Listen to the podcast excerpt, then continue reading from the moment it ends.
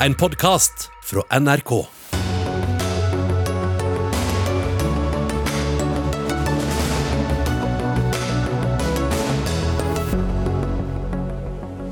Helsetopper bekymra etter høye smittetall kan bli aktuelt med strengere tiltak. Ordfører fortviler over folk han mener saboterer smittesporingsarbeidet. Folkeavstemning burde avgjøre om vi skal ha nullutslippssoner i hovedstaden, mener Oslo Frp. Partiet har mista kontakten med folk flest, svarer Miljøpartiet. Stort arbeidspress, dårlig behandling og tøffe tilbakemeldinger i plenum. Arkitektstudenter gjør opprør mot dårlig læringsmiljø. Og NRK Super viser nakne kropper til barn. Usmakelig og hensynsløst av Statskanalen, mener kritiker. Ja, Det er eh, sakene i Dagsnytt 18 denne fredagen, der vi også skal få høre at Frp kaller Senterpartiet for populister etter forslag om å skru igjen EØS-krana. I studio Gry Veiby. Det er i dag ett år siden det første norske koronatilfellet ble kjent. Og ikke siden 13.1 har det blitt registrert flere koronatilfeller i Norge i løpet av et døgn. I hovedstaden er smittetallet det høyeste på over tre måneder, og i vinterferiekommunen i Hemsedal ble det i dag hasteinnført lokalt forbud. Og Pål Rørby, du er ordfører i Hemsedal. Hva slags forbud er det snakk om? Nei, altså Vi har egentlig eh, forskriftsfesta nå et eh, forbud mot å ha og motta mer enn fem eh, gjester på hytta eller i boligen din, som tidligere kun da har ligget som en anbefaling fra myndighetene. Hmm. For dere har altså fått smitte til bygda og opplever at folk saboterer smittesporingsarbeidet. På hvilken måte da? De har opplevd en eh, litt ny situasjon eh, de siste dagene. Vi har hatt eh, litt smitte her oppe. Vi har fire tilfeller nå i løpet av vinterferieuka. To av de er mest sannsynlig den muterte smitten som vi kan spore tilbake til tilfeller der. Eh, det vi opplevde i går og i den siste tiden, er at enkelte har vært eh, tilbakeholdne både med å ville gi fra seg informasjon om hvor de har vært, hvem de har vært sammen med, og gjort smittesporingsarbeidet vårt eh, betydelig vanskeligere enn det trenger å være. Mm, hvordan forklarer du denne manglende samarbeidsviljen? Nei, den er vanskelig å forklare. Eh, dette er, et, eh, dette, er, eh, dette er, et, tillitsforhold som vi har mellom gjestene våre og vi som kommer her oppe. Og stort sett alle her oppe er utrolig flinke til å holde avstand, bruke munnbind i offentlige steder hvor man ikke kan holde meteren. Tar vare på hverandre. Og så er det noen da som jeg vet ikke, har gått ordentlig lei, som mange av oss har gjort, eller et eller annet. Men jeg må si at hjertet hjertet sank litt i brystet på meg når jeg fikk den beskjeden i dag. Og en eh, ganske sliten smittesporingsgruppe som opplever å bli motarbeida i sporingsarbeidet. Eh, da ble jeg trist. Mm, ja, For dere opplever altså at folk eh, har kommet til dere mens de venter på prøvesvar? Ja, ehm, både i karantene, eller burde vært i karantene, men også vente på prøvesvar, så er det mange som har trukket eh, både til Hallingdal og til Hemsedal. Og ehm, Sånn sett så har vi også spilt inn det videre opp til myndighetene. Og dette er en stor utfordring hos oss. For hvis de da får en telefon mens de er her oppe om at de da bør teste seg, så blir det jo en utvida testing her oppe og oppfølging fra oss. Og Per nå så er vi nok en fem-seks ganger folketallet vårt i lille Hemsedal. Vi håndterer det godt, men eh, det er avhengig av at folk hjelper oss bl.a. i smittesporingsarbeidet. Mm. Helsedirektør Bjørn Gullvåg, du har jo sagt at man skal holde seg hjemme dersom man er i isolasjon, karantene eller vente på testsvar. Og så hører vi her at Hemsedal kommune opplever at folk allerede har ankommet kommunen innen de får eh, prøvesvar. Hva syns du om at folk reiser likevel? Nei, Det er veldig uheldig at eh, folk reiser når de lurer på om de kan være smittet, eller hvis de har eh, noen symptomer. Så eh, jeg vil jo si at alle de som er i den situasjonen, må snarest mulig returnere hjem. Og på en betryggende måte, naturligvis, slik at de ikke møter mennesker. Eller hvis de er blitt syke, så må de jo naturligvis oppsøke helsetjenesten der hvor de er. Men, og da er det også helt avgjørende at de bidrar til god smittesporing. For hvis ikke så taper vi jo kampen mot dette viruset. Men kunne dere vært tydeligere på å kommunisere at man ikke må dra? Hvis man venter på svar, f.eks.? Vi har vært tydelige på det, men, og vi, vi, sa kanskje enda tydeligere ifra litt ut i vinterferien. Men jeg tror at folk egentlig forstår at når de eh, skal være i karantene, eller hvis, de, hvis, det er fare for at de blir smittet, at de da ikke skal legge ut på reiser. Det har vi kommunisert lenge.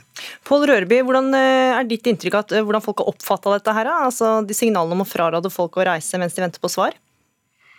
Jeg tror mange har oppfatta det litt forskjellig. Jeg tror eh, mange har kanskje utfordringer med å splitte opp familier. Eh, ønsker ikke å bo på karantenehotell. Og eh, vi har flere tilfeller hvor man har fått anbefalt enten av fastlege der de bor eller andre, og da reise på hytta hvis man ikke har andre alternativer. Det er jo forståelig nok i seg selv, men det er klart kommer de opp her, innsyker her oppe og på en måte legger det presset på vår egen eh, helsetjeneste, så, så er det krevende. Vi er godt rusta til å ta imot mange, men eh, etter hvert så vil vi jo nå en grense, selvfølgelig. Hvis, eh, særlig hvis da denne smittesporingen blir vanskeligere og mer krevende for oss. Mm. Helsedirektør Bjørn Gullvåg, dere sa i dag at dere vi til et litt annet tema. Dere sa i dag at dere vurderer å anbefale påbud om munnbind på skoler. Hvordan vil det eventuelt fungere? Ja, jeg vil understreke at dette er til vurdering nå. Det er ingenting som er besluttet. Men når vi får de nye variantene av viruset inn, og eh, det er jo mer smittsomt, eh, så må vi tenke igjennom om det er behov for å forsterke enkelte tiltak. Og En av de tingene som da vurderes, eh, og som diskuteres i veldig mange land, det er tatt i bruk f.eks. i Finland og også i Danmark for enkelte grupper i skolen, om man kan bruke munnbind da også i de på de høyeste nivåene i skolen, på videregående f.eks. Mm. Men det vil være da eh, begrenset til de områdene som har eh, mye smitte eventuelt. Og bakgrunnen for det vil jo være å, å hindre at man ellers må stenge skolene. Vi skal ta inn en av de det gjelder. Kristin Schultz, du er leder i Elevorganisasjonen. Ved et eventuelt munnbindpåbud i videregående skole, så er du opptatt av at dette ikke må oppleves som en straff. Hvordan da? Vi, eh, vi, jo, eh, vi, vi, er enige med Helsedirektoratet om at hvis dette blir nødvendig, så stiller vi oss bak forslaget. Fordi vi ser at hvis det betyr at vi kan fortsette å ha skolen åpen og få fysisk undervisning, så er det verdt det. Men vi har som du var inne på, et par bekymringer. Eh, fordi vi frykter at mange skoler sin første reaksjon hvis dette påbudet kommer, blir at de skal straffe de elevene som ikke følger disse tilbud, nei, påbudet. Vi frykter at vi kommer til å få meldinger fra elever som sier at de har blitt satt med i ordenskarakter, og at de fått nei, anmerkninger fordi at de ikke har eh, hatt på seg munnbind. Og dette er jo for det første ikke eh, lov, men i tillegg så vet vi at det er lite som løses med straff og med sanksjoner. Skolene må faktisk drøfte med elevene hvordan man best kan håndtere og implementere disse nye reglene. Eh, og så tror vi også at det er veldig viktig at man, eh, at man har tilgjengelige munnbind på skoler. For det er en ting når man har et påbud ellers i samfunnet, men hvis det skal stilles krav om å ha på seg munnbind hver dag på skolen, så kan vi ikke risikere at vi ender opp i en situasjon hvor noen blir straffa, eller hvor de ikke får muligheten til å følge smittevern pga. deres økonomiske situasjon. Gratisprinsippet må stå sterkt i skolen, og det er spesielt under en krisesituasjon. Mm, ja, Bjørn Gullvåg, hva tenker du om det? Altså Frykten for å bli straffa, eller at det skal oppleves som en straff? Nei, det, Dette syns jeg er veldig gode vurderinger, og det er naturligvis ting som vi må uh, se på før vi eventuelt da gir råd om dette. Og så var jeg kanskje litt tidlig ute med å lansere tanken, men uh, det er jo fordi det er en pågående diskusjon i veldig mange av våre naboland også. Og det er enkelte som har tatt i bruk. Og, og med de mer smittsomme variantene av viruset, så må vi lete etter nye måter Eh, å kunne holde samfunnet så åpent som mulig på. Mm, men hvordan ser du for at det skal foregå i praksis? Hvor og når skal det gjelde? Nei, uh, igjen så må jeg si. ta forbehold mm. og si at uh, nå undersøker vi jo det. Og, og Bl.a. i de områdene hvor det er større smitteutbrudd. Og om det da kan være en måte å unngå at Eh, man får eh, raske smitteutbrudd i skoleområder, eh, og med konsekvenser at skoler må stenge. Mm. Bjørn Gullvåg, altså ikke siden 13.1 har det blitt registrert flere koronatilfeller i Norge i løpet av ett døgn. Hva skyldes denne økninga? Vi tror at økningen først og fremst nå skyldes nye varianter av viruset. Og i Oslo-området spesielt så er det kanskje nå en 30-40% av den smitten som vi har, som skyldes den engelske varianten, som kanskje er omkring 60% mer smittsom. Mm. Og som kanskje også kan gi enda litt flere sykehusinnleggelser enn det viruset vi har vært kjent med. Sånn at det er nå en litt kritisk periode vi går inn i og hvor vi må lære oss å leve da med disse nye variantene og finne eh, et tiltaksnivå eh, på nytt igjen. fordi vi kan ikke bruke nøyaktig de samme prinsippene vi gjorde eh, for noen måneder tilbake. Men For bare noen par dager siden så var det snakk om en strategi om å åpne samfunnet igjen. Men nå hører vi om økende smitte og at det igjen vurderes strengere tiltak. Altså, hva vil du si til dem som mener at dette er dobbeltkommunikasjon og at det er veldig forvirrende? Jeg kan skjønne at det er forvirrende, men det er ikke så underlig egentlig. Fordi vi samtidig nå vaksinerer stadig flere. Og vi tror at vi frem mot sommeren kommer til å ha vaksinert veldig store deler av befolkningen. Det vil gjøre at vi kan eh, åpne opp større deler av samfunnet, men vi kan ikke gjøre det før vi har fått vaksinert eh, store deler av befolkningen. og det er vel det Men det er jo ikke første gang dette skjer, at det blomstrer opp igjen og det er litt usikkerhet om tiltakene? Nei da, og så, sånn sett så minner jo det om en del situasjoner vi har stått i. Og vi tror det er mulig å, å, å slå ned smitten denne gangen også. Og, og, det jobbes veldig godt i kommunene med smittesporing og testing, som uh, var nevnt fra Hemsedal her, men også i Oslo, mm. som vi nå har løpende kontakt med. Så gjøres det et fantastisk arbeid for å forsikre seg om at uh, dette blir trygt i ukene fremover. Mm. Men vi hører om smitte i Hemsedal, det har vært smitte i Tromsø knytta til Oslo-utbrudd, og vi hører om DNT-hytter som har blitt ramma. Hvor lurt var det å gi folk klarsignal til å reise til hytter og hotell i vinterferien? Det må vi jo naturligvis se på i ettertid, men jeg tror samtidig at eh, det å ikke la folk reise på vinterferie kunne innebære en like stor risiko, og kanskje enda større. Så um, alt i alt så tror jeg at det er uunngåelig at vi kommer i slike perioder hvor, hvor vi også må gjøre ting som uh, Øh, å reise på hytta eller altså i, i de feriene vi har. Mm. Dette var da en uh, liten statusrapport om hvordan det går her i Norge. og For de som tenker at det er strengt her, så skal vi løfte blikket og gå til deg, Simen Ekern. Du er europakorrespondent og du er med fra Belgia. Der er det både portforbud og munnbindpåbud overalt. Hvordan fungerer det?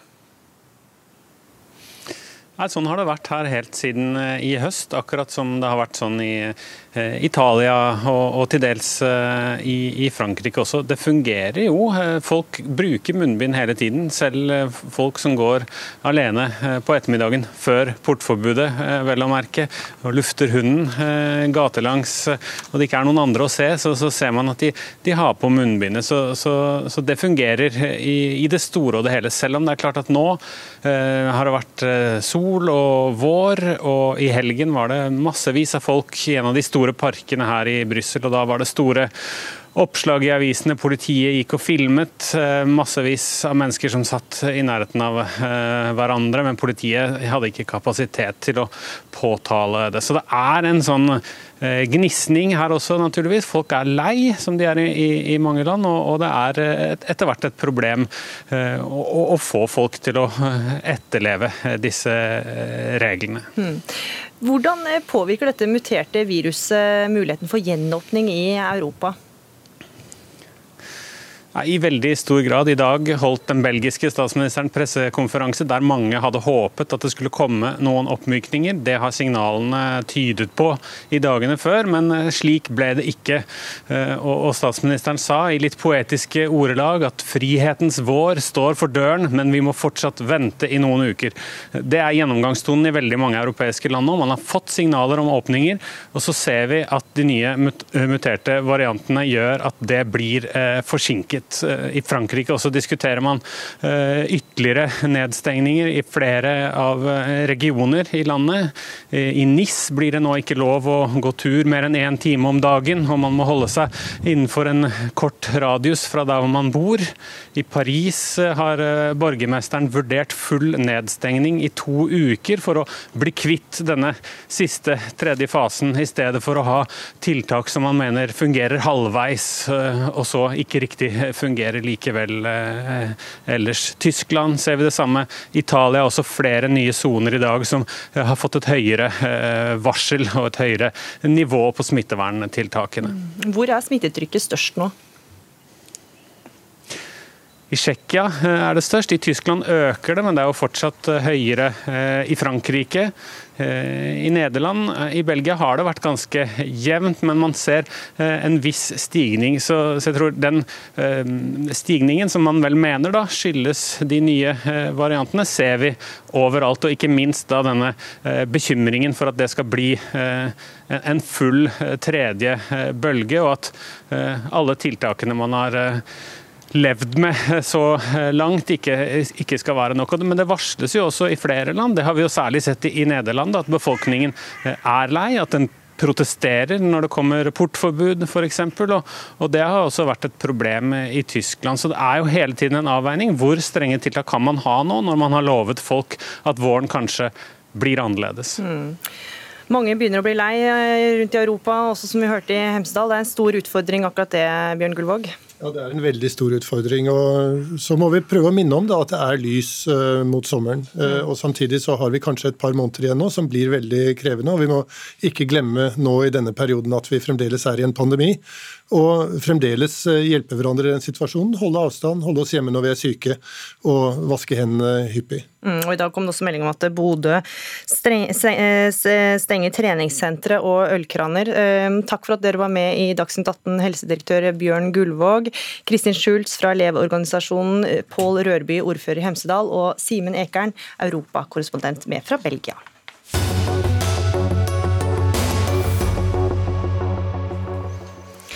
Forslaget om å innføre utslippsfrie soner i Oslo og Bergen skaper debatt igjen. Nå vil Fremskrittspartiet i Oslo ha en folkeavstemning om byrådets planer om bensin- og dieselforbud i hovedstaden.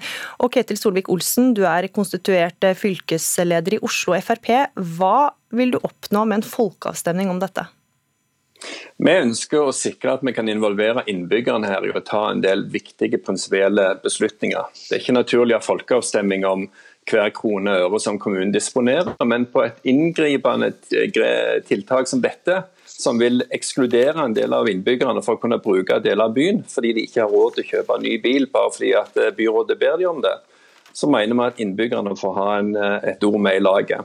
Men vi husker at det byrådet foreslår, handler ikke om lokal luftkvalitet. Det handler ikke om støyforurensning. Men, men litt tilbake til folkeavstemningen, Ketil Solvik-Olsen. For dette er jo politikk som utføres på vegne av velgerne. Altså, Hvorfor trenger du da en folkeavstemning? For det første er jo det et prinsipp om at vi bør la innbyggerne få lov til å si sin mening om viktige prinsippspørsmål som angår samfunnet. Selv om vi velger lokalpolitikere hvert fjerde år, så kan vi òg la innbyggerne få lov til å være med å bestemme litt på de store linjene som går, spesielt på et prinsipp som dette. For det andre så ser vi i den debatten som har vært i det siste, at selv om Senterpartiet og Høyre støtter byrådet i at det skal innføres forbudssoner i Oslo, så gir de inntrykk i media for at de egentlig er imot mye av det som byrådet foreslår. Og Når da partiene som har vært med og støtta dette, begynner å bli betenkt på det de har vært med og vedtatt, så tror vi at det er enda viktigere at innbyggerne får lov til å være med i retningsgivende signal for hva byen egentlig bør gjøre. Dette handler om hvordan vi skal skape en åpen, tilgjengelig by for alle innbyggerne. Og Når byrådet har ideologi som egentlig betyr at de fattige ikke vil kunne ha tilgang til en del av byområdene fordi de ikke har råd til å kjøpe rett bil, da mener vi at innbyggerne òg får være med å ta en helhetsbeslutning på dette. Arild Hermstad, du er nestleder i Miljøpartiet De Grønne. Dette forslaget viser at Oslo Frp har mista kontakt med folk flest, sier du. Hva legger du i det? Nei, Det er jo veldig mange av de argumentene som Solvik-Olsen her fremfører som er fullstendig ugyldige. Eh, Bl.a. at eh, dette går utover de fattigste. Eh, de som sliter mest med dårlig luftkvalitet i Oslo, det er de som bor langs innfartsårer og i de områdene som um, Der er det høy luftforurensning, og der er det også høy fattigdom blant uh, barn. Men, har... men, la oss holde oss til dette med, med folkeavstemning. Altså, dette er jo et inngripende tiltak. Hva syns du om at man skal ha en folkeavstemning for å, få, for å sjekke hva faktisk folk mener om dette? her? Så, eh, vi er ikke imot folkeavstemninger, eh, og de må gjerne ha det. Men denne klimapolitikken i Oslo den har jo et bredt flertall i bystyret. Det var bare to partier som stemte imot, det var Frp og FNB. Alle de andre stemte for. og Der sier vi at innen 2030 så skal alle utslippene i Oslo bort. Og Hvis man skal få til det, så trenger man en del tiltak som selvfølgelig er, kan virke um, drastiske. Men vi gjør jo dette på en måte som er eh, hvor vi sikrer medvirkning og demokrati. Eh, vi har dialog med alle brukergruppene. Vi tar det opp med bydelsutvalgene. Og Det er også verdt å bare minne om Solvik-Olsen om at Høyre har jo avvist dette blankt og mener dette ikke er egnet for folkeavstemning. Så tror jeg at vi, vi skal løse dette på en måte som inkluderer folk, og som gjør at Eh, de som får hverdagen sin endret av disse tiltakene, har muligheten til å bli hørt, og at vi gjør det på en klok måte. som betyr at vi ikke bare driver med symbolpolitikk når det gjelder klima, men at vi faktisk følger opp med konkrete tiltak som kutter utslippene til null frem til 2030. Og det hadde vært gøy å få Frp med på det, men jeg skjønner at agendaen er litt annerledes. Solvik-Olsen, altså, Hvor mye vil det koste å holde en sånn folkeavstemning, og hvem skal få lov til å delta i den? Er det alle som bor i Oslo, eller de som blir eh, berørt? Det naturlige er en folkeavstemning for alle som bor i byen. Den kan vi lett avholde samme dagen som det er stortingsvalg. Da er det ikke veldig mye ekstrakostnader utover å uh, gjennomføre uh, trykking av stemmesedler og opptellingen etterpå. Spørsmålet her er jo tør byrådet faktisk å la innbyggerne få si sin ærlige mening om dette og få være med å ha uh, vekt på vektskåla. Det tror jeg jo ikke, fordi mye av de argumentene vi hører her er jo vikarierende. En snakker altså om en klimapolitikk, da er det CO2-utslippene som teller. Når en begynner å snakke om lokal forurensning, så er jo det helt på sida. Det er ikke det som er drivende her. Den trafikken som eh, Harmstad lader som skal forsvinne, den vil de jo tillate skal skje med elbiler. Så den samme støyen fra, fra bilene når de suser forbi, den vil vi få. Men problemet her er rett og slett at MDG og Raimond som styrer Oslo, tar ikke inn over seg at det er veldig mange av innbyggerne som ikke er så velstående som det de selv tror eh, fra byrådets side som ikke vil ha råd til å kjøpe en ny bil i løpet av få år, bare fordi at byrådet ber de om det. Og De vil effektivt bli ekskludert fra å delta i de byrommene som forbyr bensin- og dieselbiler. Mange av håndverkerne som gjør tjenester i Oslo sentrum, sier jo allerede nå til oss at de slutter å ta oppdrag fordi at de ikke får lov til å bringe, eller har mulighet til å parkere bilen. Og når det i tillegg blir forbudt mot å bruke bilen i sin helhet, så har ikke de råd til å kjøpe en ny håndverkerbil. Men, men Solvik-Olsen, vil ikke denne misnøyen bare vise seg ved valg? Altså, Hvorfor må man ha en folkeavstemning eh, for å vise denne misnøyen som du sier at det er stor? Ikke, altså når du stemmer på valg, så er det òg veldig mange ulike ting som tas sammen i et partiprogram. Vi tror at noen saker bør en løfte over akkurat det å måtte stemme et partiprogram. Akkurat som det å kunne stemme for eller imot EU bør være større enn at Stortinget sitter og vedtar det alene. På samme måte som Fremskrittspartiet tok initiativ til at vi fikk en folkeavstemning om, om Oslo skulle bruke penger på å søke om å arrangere OL.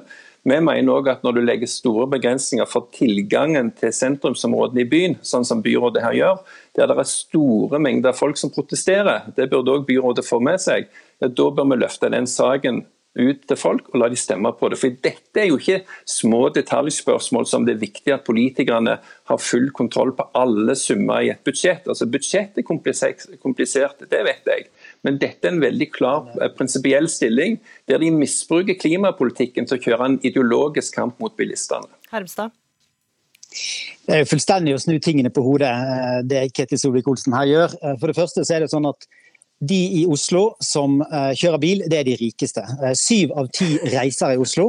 Det foregår med kollektiv, gange og sykkel. Det betyr at Kjetil Olsen, altså her Frp forsvarer de rikes eh, mobilitet mot eh, de fattige. Det går utover de som har minst ressurser i Oslo. Fire av ti i Oslo eier ikke sin egen bil. Eh, barnefattigdom er utbredt i de områdene hvor luftforurensningen er høyest. Og det som har skjedd i, både Oslo og veldig mange andre byer siden 50-tallet, er at det er bilen som har fått lagt premissene for byutviklingen.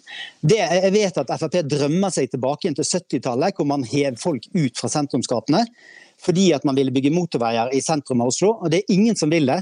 Altså Folk flest ønsker en annen politikk. Vi ser at nå kommer barnefamiliene til Oslo sentrum. Indre by har en økning på 25 blant eh, de barna som skal gå på grunnskolen siden 2015. Dette hadde jo aldri skjedd med Frp sin politikk, for dere ønsker jo ikke en politikk for menneskene i sentrum. Dere ønsker å sette bilen i sentrum istedenfor folk. Og det, eh, dette, dette, er jo ikke noe som folk flest ønsker seg, og det er derfor jeg mener Frp har mistet kontakten med befolkningen i Oslo sentrum. De skjønner ikke de behovene folk der har. Solvik-Olsen, tall fra Oslo kommune viser at det er flere som reiser kollektivt enn med bil i Oslo? Ja. Det er helt riktig, og det er en del av den politikken som Fremskrittspartiet var med og la til rette for i regjering. Med Frp i regjering så tre- og fire- og femdobla vi bevilgningene til kollektivutbygging i byene. Det var ønska fordi vi ønsker å gi folk et positivt alternativ til å kunne kjøre privatbil. Og Jeg elsker å sykle. altså Jeg sykler 5000-6000 km i året. Det er ikke et problem for meg. Men det er helt urimelig når MDG sitter altså i rådhuset og tror at det kun er de rike i Oslo som kjører bil. Da er en jo fullstendig uten bakkekontakt. For Hvis det var sånn, så ville det jo kun vært Tesla og dyre Mercedes elbiler og lignende som allerede kjørte i Oslo by sentrum. Det dere skal gjøre, er jo å hive ut alle håndverkere, alle barnefamilier som ikke har råd til å kjøpe en ny bil hver gang politikere ombestemmer seg. Og Der er vi ved de vante argumentene, og vår tid er over. Ketil Solvik-Olsen, konstituert fylkesleder i Oslo Frp, og Arild Hermstad, nestleder i Miljøpartiet De Grønne. Takk for at dere var med i Dagsnytt 18.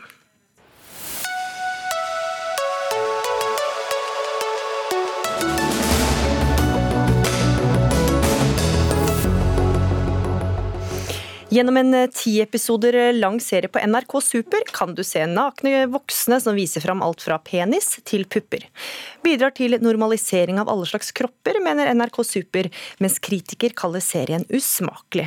Og mer om det får du litt seinere i sendinga, for nå skal det handle om studenter. En Instagram-konto laga av en arkitektstudent har skapt et digitalt opprør blant studenter. Kontoen deler arkitektstudenters erfaringer fra ulike steder i landet, og mange beskriver enorme arbeidsmengder, tøffe tilbakemeldinger i plenum og ofte dårlig behandling fra forelesere. Umul Banin Syed, du starta Instagram-kontoen Anonyme arkitektstudenter og har selv gått på skolen. Nå er du ferdig. Hvorfor starta du denne kontoen? Jeg startet vel den kontoen hovedsakelig for at jeg hadde delt min egen historie i min private kanal, og så hadde jeg nok ikke mistenkt eller forutsett hvor mange som skulle kjenne seg igjen i det jeg fortalte om.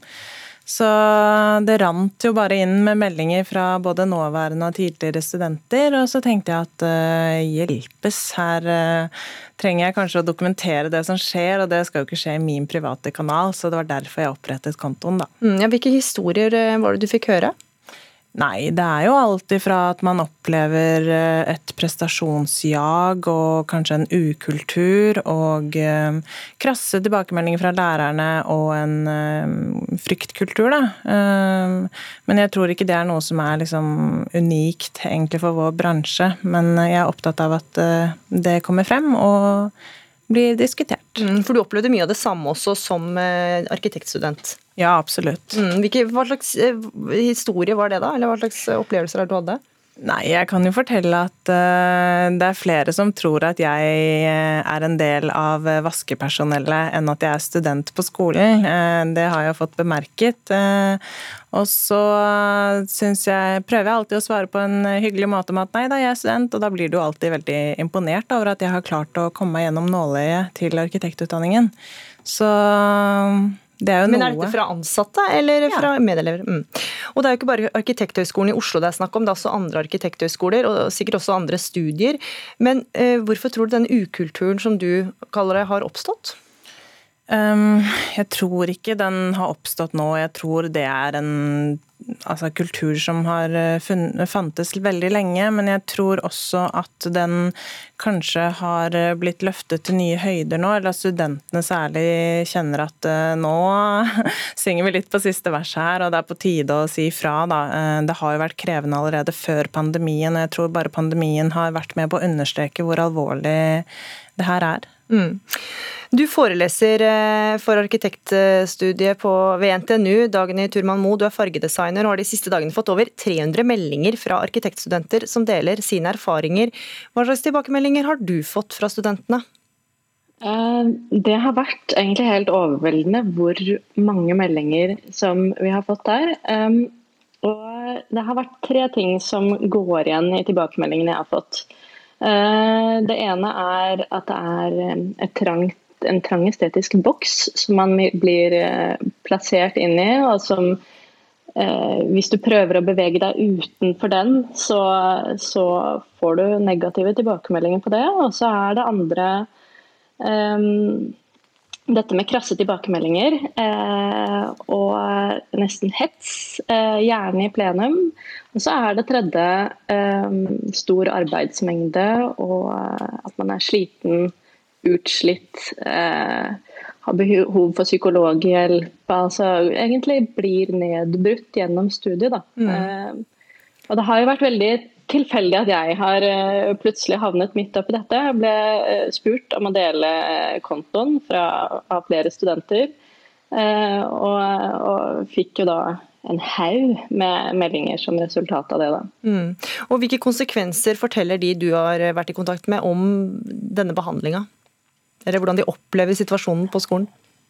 Ja, så Det går utover livskvalitet, det er det jo mange som sier. Og det mest alvorlige er de som har behov for psykologhjelp. Eh, og eh, Jeg har jo også snakket med arkitekter som er ute i arbeidslivet nå, som sier at de fortsatt sliter med psykiske sånn, senskader etter studiet. Eh, og at eh, det har vært tungt i mange år etter det. Så har du andre som slutter underveis, som ikke orker mer. Eh, og, andre som bare ikke har det bra. Og Det jeg også merker er at De er redde for å si ifra, de er redde for å stå frem. De aller fleste vil være anonyme. Og De opplever det alvorlig og de opplever at de ikke blir hørt. Og Hvis de sier fra til ledelsen, så sier de også at de har fått tilbakemeldinger av at sånn er det bare her, og det må du bare venne deg til. Mm, vi skal høre med ledelsen ved en av skolene. Ole Gustavsen, du er rektor ved Arkitektur- og designhøgskolen i Oslo. Hva visste dere om eh, studentenes misnøye? Altså først må jeg si at jeg, er, jeg blir både trist og lei meg av å lese de ytringene som har kommet den siste uken, eh, og at enkelte studenter opplever at det å være student ved AO er på denne måten. Eh, og at de rett og slett mister interessen for faget, blir demotivert og får psykiske problemer. Det er ikke noe som vi ønsker, og som, som eh, vi jobber for at eh, Altså vi jobber rett og slett for at sånt ikke skal skje. Men hadde du hørt om noen av, noen altså, av dem Man kjenner jo igjen disse, disse, ytringene, og vi har jo hvordan, ganske, hvordan da? Nei, altså Vi har et ganske stort apparat for å ta tilbakemeldinger fra studenter. Og det er mange måter å gjøre det på. Eh, både i dialog og skriftlig. Det er evalueringer av kurs, det er evalueringer av eh, hele opplegg. Så, så, det er mange kontaktpunkter mellom eh, studenter og lærere og studenter av skolen. Og studenter sitter også i skolens ledelse, i, min, i styret, i min ledergruppe. Så det er mange punkter hvor man har sånn dialog. Så da visste dere ganske mye av dette i forkant, eller? Ja, altså jo, det er jo noe som man jobber med hele tiden, som er en, en evig prosess, egentlig. Og vi har gode retningslinjer også for å ha dette på stell. Men ble du overraska når du hørte om eh, historiene her? Noen av historiene blir jeg overraska over, og alvoret i dem. Og, og, Sånn sett er jeg også glad for at det kommer frem, for det gir oss en anledning til å ta tak i det på en annen måte enn det vi har gjort. Vi har jo tenkt at disse systemene og oppleggene fungerer godt, og det gjør det for mange studenter, men opplagt ikke for alle. Mm. Vi hører jo at mange av tilbakemeldingene er levert under forutsetning av at folk skal få lov til å være anonyme. Hva sier det deg om ytringsklima på skolen? Det sier i hvert fall at noen studenter opplever at det ikke er noe enkelt. Eh, og det må vi også ta inn over oss, for det, det er muligheter til å si fra uten å bli synlig. Eh, og at de da blir eh, liksom trenger Baniens inspirasjon og hjelp for å få det frem, det må vi bare gå i oss selv og se mm. hva vi skal gjøre med. Mm. Syd, hva tenker du om skolens svar her? Jeg tenker jo at det er ganske tydelig at det er noen av skolens informasjonskanaler som åpenbart ikke har fungert, da, og det har pågått over en lengre tid. Um, og så tenker jeg at uh, når disse tilbakemeldingene først kommer i en anonym kanal, så vitner vitner det, da, tenker jeg, om at det er noe som ikke er helt på stell, og at til og med Dagny, som ikke er arkitekt, er nødt til å løfte fram studentenes stemme. Det sier noe om alvoret i situasjonen, og nå har jo studentutvalget ved AHO kommet fram og sagt at de ønsker eh, å sette ned en arbeidsgruppe for dette videre arbeidet, som eh, jeg bare må applaudere dem for. At de tør å stå frem og si tydelig fra til ledelsen om dette. Og så skal de vite at vi ute i bransjen vi støtter dem, og vi ønsker dem velkommen til samtalen. Mm. Gustavsen, også mange elever forteller om eh, ganske hardt arbeidspress. Eh, og dere markedsfører døgning i videoen som eh, oppfordrer folk til å søke. Hvor lurt er det? Ja, hvor lurt er det å oppfordre til døgning? Vi er en veldig ambisiøs skole. Vi har ambisiøse studenter. Eh, det er krevende å komme inn på vår skole, og det er krevende å være student der. Det er høyt arbeidspress, det er prestasjonspress. Og det er klart at for noen studenter så fører dette til arbeidsrutiner som ikke er sunne. Og Det må vi også ta tak i, og det tar vi tak i. Men jeg tror det å ha døgnåpen skole det bidrar også til et studentmiljø. Altså jeg er på skolen av og til utafor arbeidstid, og jeg ser også at mange bruker skolen til noe annet enn å sitte og jobbe. Altså Det er et sted å være, det er et sted å være sammen. Vi har mange internasjonale studenter. Og vi har internasjonale lærere også som, som bruker skolen som et tilholdssted for å ha et godt sosialt uh, samvær, rett og slett. Mm. Fordi læringsmiljøet vårt består også av at studenter seg imellom diskuterer prosjekter og utvikling av prosjekter, ikke bare med lærere. Og så Dette her er jo et yrke hvor det er veldig mye konkurranse eh, når man er ferdig også. Er det ikke, hvilket ansvar har medelevene for at det har blitt som det har blitt? Jeg tenker at eh, hvis man student som student da, eh, føler at man har gjort sitt for å si fra i de kanalene man har fått eh, beskjed om at man skal si fra om, og det ikke får gehør, så tenker jeg at det er ikke studenten sin feil. Studenten har gjort jobben sin, og så må vi heller se på hvordan mottakeren av disse meldingene har vurdert at det skal tas videre. Da. Eh, og så tenker jeg også at Et av mine største ankepunkt er jo at det finnes ansatte som verken er opptatt av studentenes ve og vel eller bryr seg om pedagogikk. Eh, og det handler jo for meg da om å luke vekk eh, ugresset for at nytt gress skal slippe til. Og denne vårrengjøringen er både betimelig og nødvendig for oss som bransje. Mm. Gustavsen, studenter vi har vært i kontakt med, ønsker at veiledere bør ha mer fokus på pedagogikk og til urealistiske forventninger om arbeidsmengde bl.a. Er det noe du tar med deg videre? Ta med alle disse ytringene videre. og jeg synes også det er... Det er, det da snakk om å luke ut ugress her? Sånn? Nei, altså, jeg kjenner meg ikke igjen i de beskrivelsene. Eh, vi har et mangfoldig lærerkorps. Eh, vi har lærere og sensorer og eh, folk fra hele verden. Så det er klart at dette er et sammensatt miljø. Men vi skal også huske at vår skole scorer veldig høyt på studiebarometeret. I høst så er vi den skolen som har mest tilfreds, altså best studenter som er mest tilfredse med, sin, med sine studier. Så, og generelt på studiebarometeret så scorer vi veldig høyt. Så, så, dette er et mangfoldig bilde, men det undergraver jo ikke at vi har også utfordringer som vi absolutt ønsker å ta tak i. og når Banin nevner at uh, SA hos oss ønsker å ta tak i dette, så er det noe vi gjør sammen. Uh, vi har invitert til å uh, møte alle studentene i et allmøte på mandag. Og det gjør vi i fellesskap, og vi skal jobbe med det i fellesskap videre. Så som jeg startet med å si, så ønsker vi denne dialogen, vi ønsker denne prosessen, og vi, vi er glad for at dette skjer. Mm. Dagny Turman Moe, du mener også, sier at studentene blir pensla inn på ett spor i løpet av utdanninga. Så hvilke konsekvenser kan dette ha for arkitektur? Et estetisk spor? Eh, ja, det er jo noe jeg har fått tilbakemeldinger på og meldinger om de siste seks-syv årene fra studenter. At de opplever at hvis de prøver å utforske det estetiske eh, og lage noe som kanskje er litt annerledes enn det som er standarden i dag, så blir det gjerne slått ned på. Tilbakemeldingene blir eh, det mange kaller eh, useriøse og ukomfortable og ubehagelige. Da.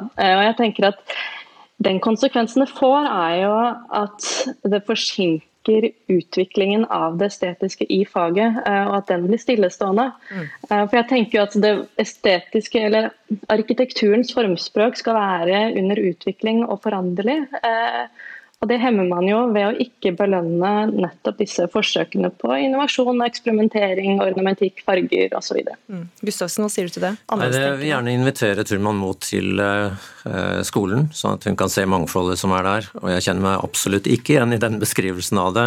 At noen studenter opplever sånn, respekterer jeg med alt. Mm, ja. Men, eh, men hun eh, må gjerne komme til oss. Ja, Da er invitasjonen sendt. Eh, Dagny Turman Moe, takk for at du var med i Dagsnytt 18. Takk til deg, Ole Gustavsen, rektor ved Arkitektur- og designhøgskolen i Oslo. Og um Ull Banin Syed, nyutdanna arkitekt, takk for at du også var med. Tusen takk.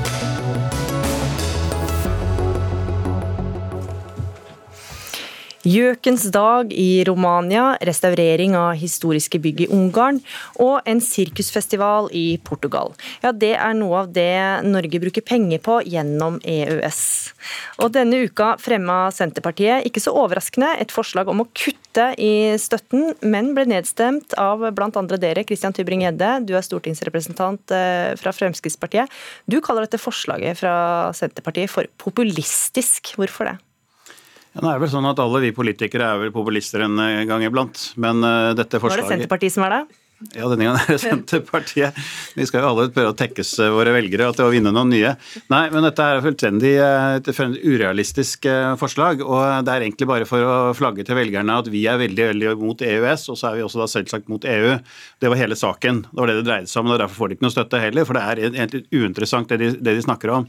Men dere også har jo tatt til orde for en gjennomgang av pengeoverføringene til EØS? Vi vil ønske en gjennomgang på det som går på velferdseksport altså ytelser som, har, som vi eksporterer til EU-land, som mener at det skal kostnadsjusteres. Det er noe helt annet enn det som Senterpartiet holder på med, som mener å gå inn i de forhandlingene vi har for å få tilgang til markedet. Nå er det sånn at eh, Norge er ikke selvforsynt av varer og tjenester, vi er nødt til å få de fra EU-land. og Da har du en kontingent du betaler for å få tilgang til 450 millioner mennesker. Mm. Emilie Enger Mehl, stortingsrepresentant eh, fra Senterpartiet kjent som populist, da, ifølge Tybring-Gjedde. Du ønsker altså å kutte i Norges støtte til EU. Hvorfor det? Vi har jo foreslått at eh, når regjeringa nå skal gå inn i forhandlinger med EU, for det er det de skal nå i 2021, mm. så skal de forhandle med EU om størrelsen på Norges bistand til 15 e, østlige EU-land. Som f.eks. Polen, Ungarn, Litauen, Estland, Hellas er med på den ordningen.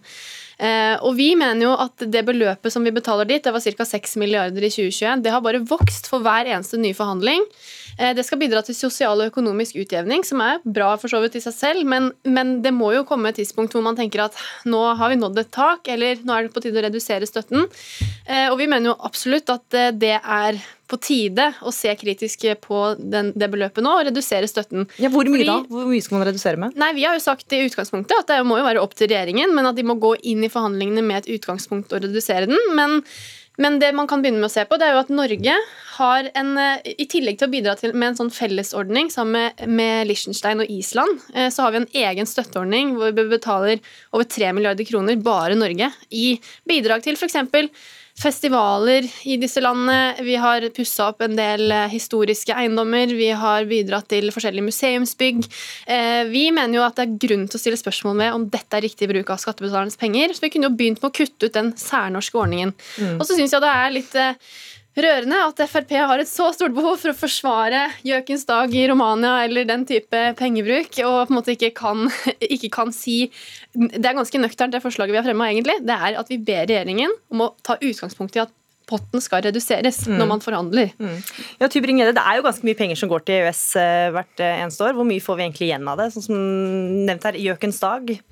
Det er prisen du betaler for å ha tilgang til 450 millioner mennesker, et marked. Det er en pris som vi blir enige om. og så ønsker ikke Norge gå i forhandling for å få betale mest mulig, men det er en pris vi betaler også for å få en økonomisk utjevning i Europa, som er å ivareta Norges interesser. Frp setter Norge først, og dette er en del av å sette Norge først, nemlig at vi ivaretar bedriftenes eh, mulighet til å selge sine varer.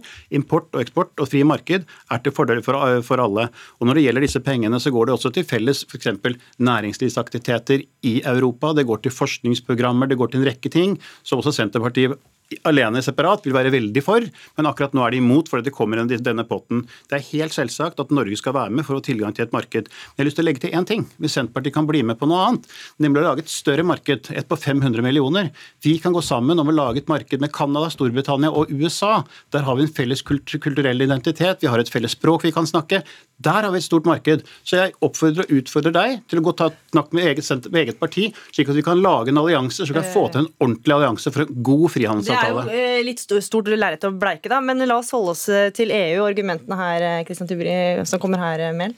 Ja, nei, jeg, jeg, mener jo at det er jo en total mangel på vilje til å diskutere hvilke st altså størrelsen på beløpene vi sender av gårde til EU i bistand. Fra uh, spesielt Høyre og Venstre, som ikke er her nå, som er jo EU-vennlige partier. Uh, men også nå plutselig Frp, da, som har blitt en glad forsvarer av, av bistandspenger til Polen f.eks. Vi betaler altså ca. 1 milliard kroner i året til Polen. Men så gir det jo samtidig tilgang til viktig marked? Ja, men dette er, det er faktisk viktig å ha med seg at EØS-midlene det er ikke en ordning som er et, en forutsetning for EØS-avtalen. Det er ikke en ordning som vi er juridisk forplikta til. Det er en ordning som EU må argumentere for Nå skal jeg snakke ferdig. Mm. Eh, må EU e må argumentere for at det er et, økonomisk, eh, et behov for økonomisk utjevning i Europa. Og så, eh, hvis de kan dokumentere det, så sier vi OK, da får dere penger. Og, det, og da mener vi at vi er jo ikke, Jeg er jo enig med Tybing-Gjedde i at det er jo sikkert mange av disse prosjektene som i seg selv er fine, men man må jo se på omfanget her.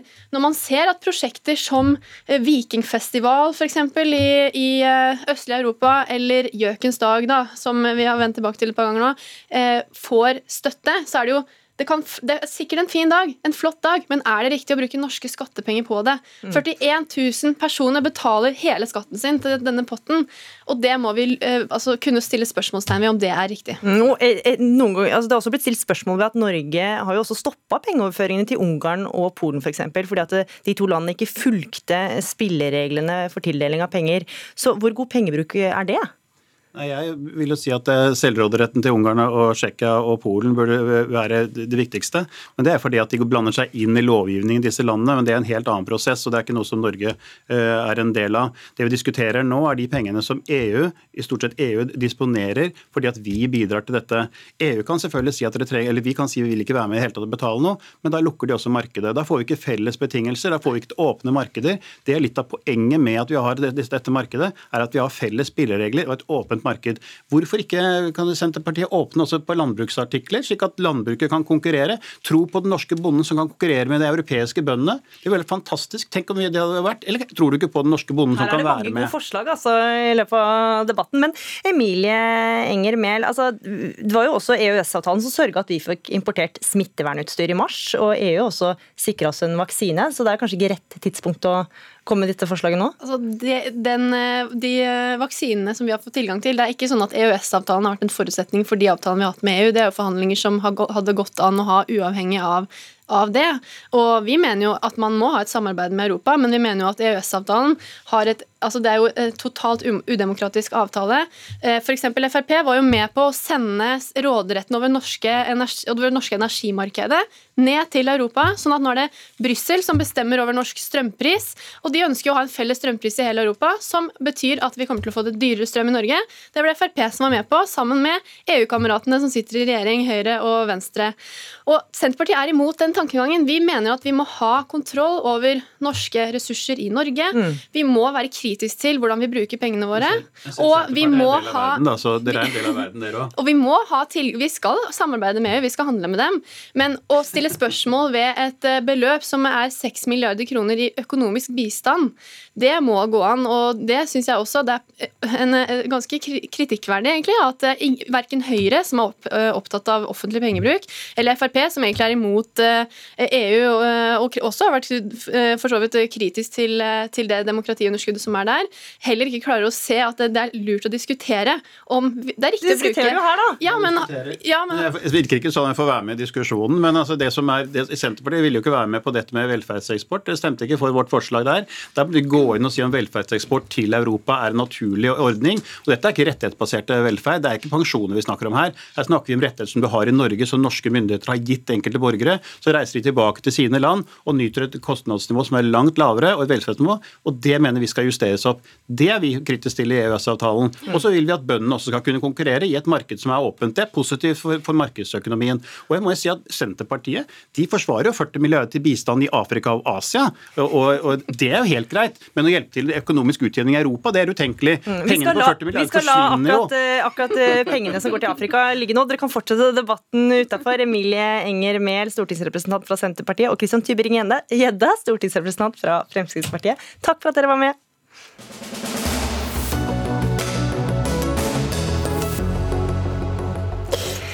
På NRK Super kan barn og voksne nå se programmet Superkroppen. I den ti episoder lange serien kler voksne av seg og viser alt fra penis til pupper.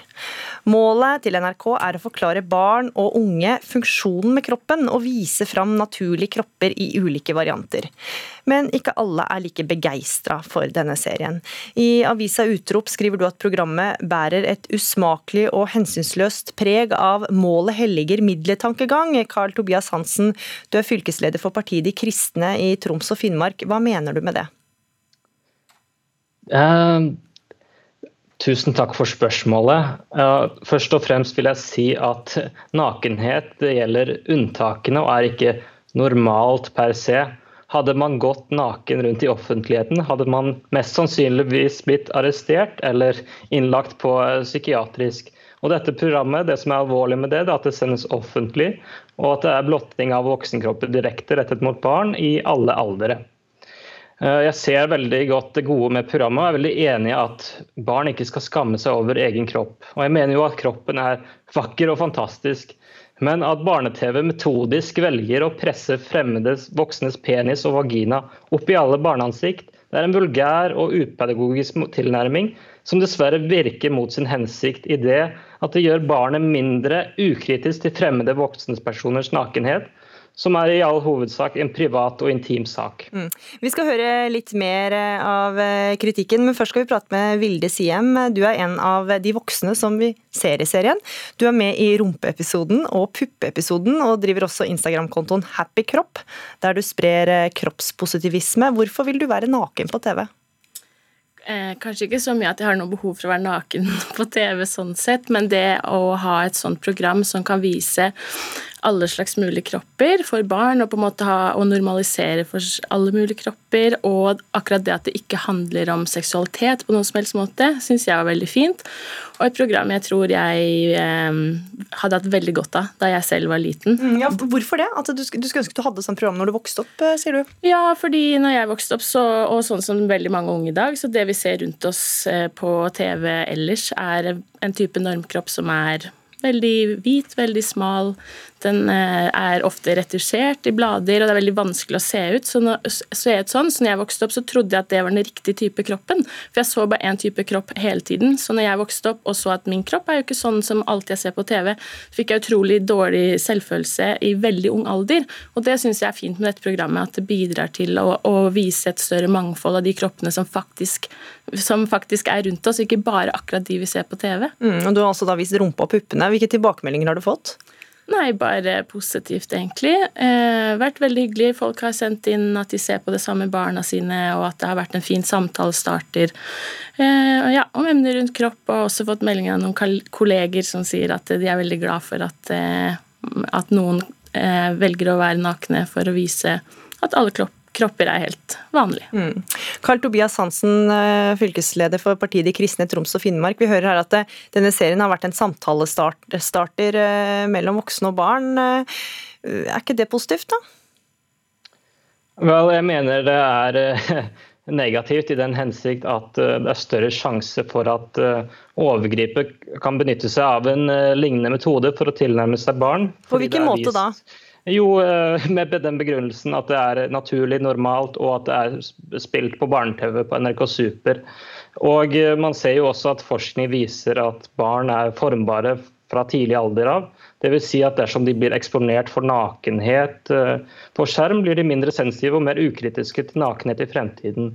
Og jeg ser virkelig deres gode hensikt at porno er en økende samfunnsfiende med tanke på at kroppspress og usunne idealer, som du nevnte, men samtidig så vil jeg si det at eh, porno har også den effekten eh, og har store uheldige konsekvenser som angst og depresjon, økende skilsmisserater og isolasjon. Blant annet. Og dessverre virker programmet mot sin hensikt, det er at barn blir mer sensitive og ukritiske. Men hvilken sammenheng har det med porno? Det er ingen sammenheng mellom dette programmet mm, Hansen, du nevnte det, porno. Det, det, har en sammenheng i den forbindelse at eh, barn eksponeres for nakenhet, og mm. da er de mer tilbøyelige til vi vet at de er nysgjerrige, og da er de mer tilbøyelige til å, å oppsøke pornografi og, og, den slags type ting. Dessverre. Dessverre. Mm. Hvor har du det fra? Nei, det er jo, det er jo forskningsbasert. Eh, og akkurat som jeg nevnte, at, at barn er formbare, og at, og at det er eh, Programmet minner om blotting og snikpornografi, dessverre. Så det, det, er ikke bra. Katrine Irgens Nilsen, du er redaksjonssjef i NRK Super. Du hører her eh, representanten fra partiet De kristne mener programmet er usmakelig og hensynsløst. Hva sier du til den kritikken? Ja, for det første så vil jeg bare si at vi, eh, i motsetning til Carl Tobias, så mener vi ikke at dette her er blotting. Eh, blotting defineres jo som seksuelt krenkende atferd og er straffbart, og vi mener jo ikke at det er det vi har laget her. Vi i Super er jo veldig opptatt av hva målgruppa trenger fra oss. Vi lager innhold basert på deres behov. Og vi vet at tematikken som tas opp i Superkroppen er viktig for dem. Eh, som Vilde også snakker om. Altså, mye forskning eh, viser jo at mange barn har spørsmål om kropp. De opplever press på å se bra ut, og de lurer på veldig mye rundt pubertet. Eh, og som også det nevnes her med porno, det er jo mye usunn påvirkning når det gjelder nakenhet gjennom f.eks. porno. Um, og det er jo slik innsikt vi er opptatt av å møte og adressere, da, og gi en motvekt til med en serie som Superkroppen. Eh, fordi at barn eksponeres ofte for ensidig framstilling av kropp. Og vi ønsker å være en motvikt til det, som viser dette mangfoldet som Vilde også snakker om. Mm. Og at det er ulikhet som er vanlig. Og vi tror på at å snakke om kropp i en sånn trygg setting på denne måten, det er viktig, og at det hjelper barn. Mm, du sier en motvekt, men det blir jo fortsatt mer nakenhet, da? Hvorfor skal barn bli møtt med nakenhet også på barne-TV? Ja, men så igjen, altså, Forskning viser at det å snakke med barn og forklare barn om kropp, det gjør barn trygge og gir dem et språk. Og det å vise helt vanlige nakne kropper i trygge omgivelser, det bidrar til normalisering og avdramatisering, samtidig som barn får informasjon og svar på spørsmål som de skulle ha. Så Vi mener at liksom nettopp sånne framstillinger som Superkroppen eh, hjelper barn å finne ut av hva sunn nakenhet er for noe. Eh, og For å skjønne hva som eventuelt er ugreit, så må, må, en som regel først lære hva som er vanlig, fint og greit først. Da er det enklere å liksom skille mellom det som er ugreit og ikke. Mm. Så Vi mener jo at det er et viktig program i så måte. Mm. Ja, Hansen, altså Dagens barn og ungdom de eksponeres jo for nakenhet, ofte retusjerte kropper, hele tida. Det er jo bare å gå inn på en nettavis, så ser du retusjerte kropper. Så er det ikke da positivt for barn å se ekte kropper? Og forstå funksjonen jo. til de ulike kroppsdelene? Altså, som jeg, som jeg sa innledningsvis, at, at nakenhet det er ikke normalt. Og det skjer i unntakene, f.eks. I, i garderober og den slags type ting. Men det er ikke normalt å gå rundt naken og, og eh, men det er som dere sier, at det er viktig at barn får et sunt tilnærming til kroppen, men dette trenger ikke å gjøres med radikal pedagogikk og metodikk som NRK velger å gjøre det. Det kan gjøres gjennom samtale og, og eh, mange andre tilnærminger gjennom helsesøster og den slags type ting. Det, man trenger ikke å presse vagina og penis opp i barneansiktet. Det blir usmakelig. Ja, Nilsen, hva sier du til det? For det første så må jeg jo si at uh, det, Dette er jo en serie som vi på en måte ikke presser på noen. Denne kringkastes ikke på TV. Den ligger i strømmetjenestene til NRK og kan velges om man ønsker det. Vi har også en tydelig advarselsplakat i forkant av hvert program som sier noe om at nå kommer nakne kropper, så man kan velge å skru av det om det ikke er ønskelig å se på.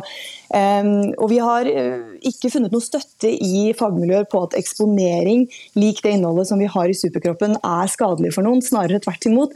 Som professor Willy Ville Tore Mørk har påpekt til oss i forbindelse med denne serien, så sier han at han ser det som veldig positivt at NRK har laget en serie for barn som tar for seg nakenhet og kropp på en trygg og ordentlig måte.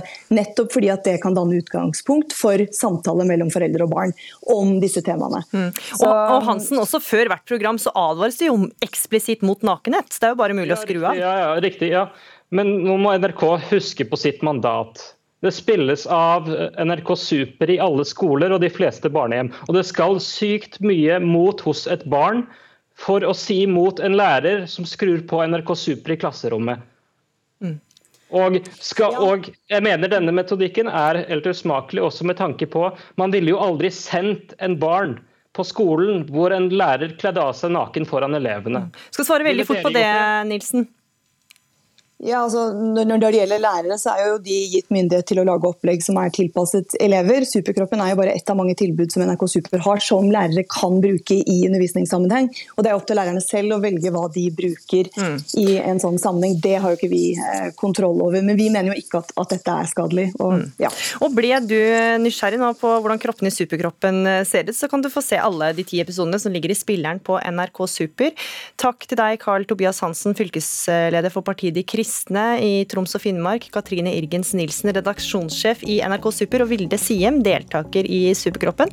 Dagsnytt 18 er over, og vi takker for følget. Dag Dørum var ansvarlig for sendinga. Det tekniske ansvaret hadde Ida Laral Brenna, og i studio Gry Veiby. Du har hørt en podkast fra NRK. Hør flere podkaster og din favorittkanal i appen NRK Radio.